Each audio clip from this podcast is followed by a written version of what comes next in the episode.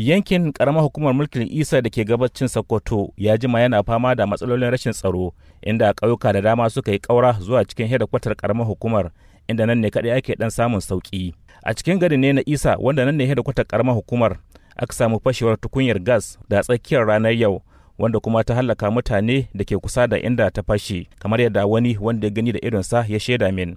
Sunana usman muhammad abin da ni gamna idona ni dai muna zaune a cikin ruwa to kawai sai muka ji cewa injin din walda ya boston to akwai mutane wurin masu walda su biyar. Wa'annan duk allah ya masa rasuwa. Su biyar. Su biyar. Eh wa'anda ni gani matattu ba. Na'am. Tare da jami'an tsaro na 'yan sanda sun doke su. Na'am. Sun yi asibiti da su. Akwai kuma wani mai shago yana caji. Mai shagon waya shi ma abun ya buji shagon shi shagon ya hude. Shi ma an kire mai hannu. Sannan hannuwansa sun kire sannan akwai wasu bayan allah su ma sun zo za su wuce.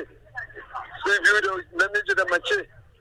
Su ma kawahuwansu karafa sun buge su. Su ma wasu da su kire waɗanda suka rasu hannu wani hannun shi daban kai daban. Abun da ba kyau gani wallahi ranka ya dubi gaskiya. Ko ku samu labarin menene ya haddasa fashewar wannan abin? A'a mun labari abun walda ne. Linda ɗin nan ce ta walda. Suna cikin aiki ne na walda. Tukunyar ta yi boston kamar kamar menene ake walda wurin? Ana walda karafa mota mashin su ne ake walda wurin. Yanzu abin da muke ciki a nan wurin ga dai mutane nan sun taru wasu muna ta kuka mu da muke wurin mun ka gani. Wasu kuma uwayensu sun zo su ma uwayen nasu suna kuka sun gudu uwayensu sun yi gida haka ma na zanta da wani dan garin wanda ya isa gurin da lamarin ya faru jim kaɗan bayan aukuwarsa. Tashin banda tashin hankalin 'yan bandit da muke ciki dan kwanakin ga su ma dan azabci mu kuma ga wanga masifa ta taso mana. Nama wada ma katanga aka aka mafarki nama ya like.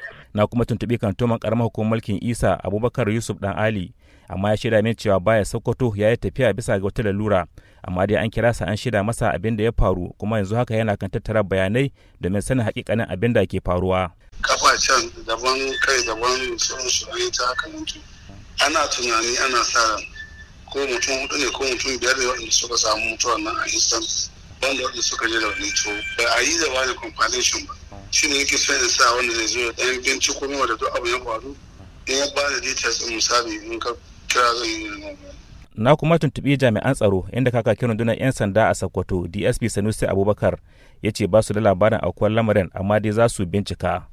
Wannan dai ba shine karo na farko ba da ake samun irin wannan a najeriya tare da jan hankulan jama'a akan su riƙa ɗaukar matakai na kaucewa aukuwar irin hakan.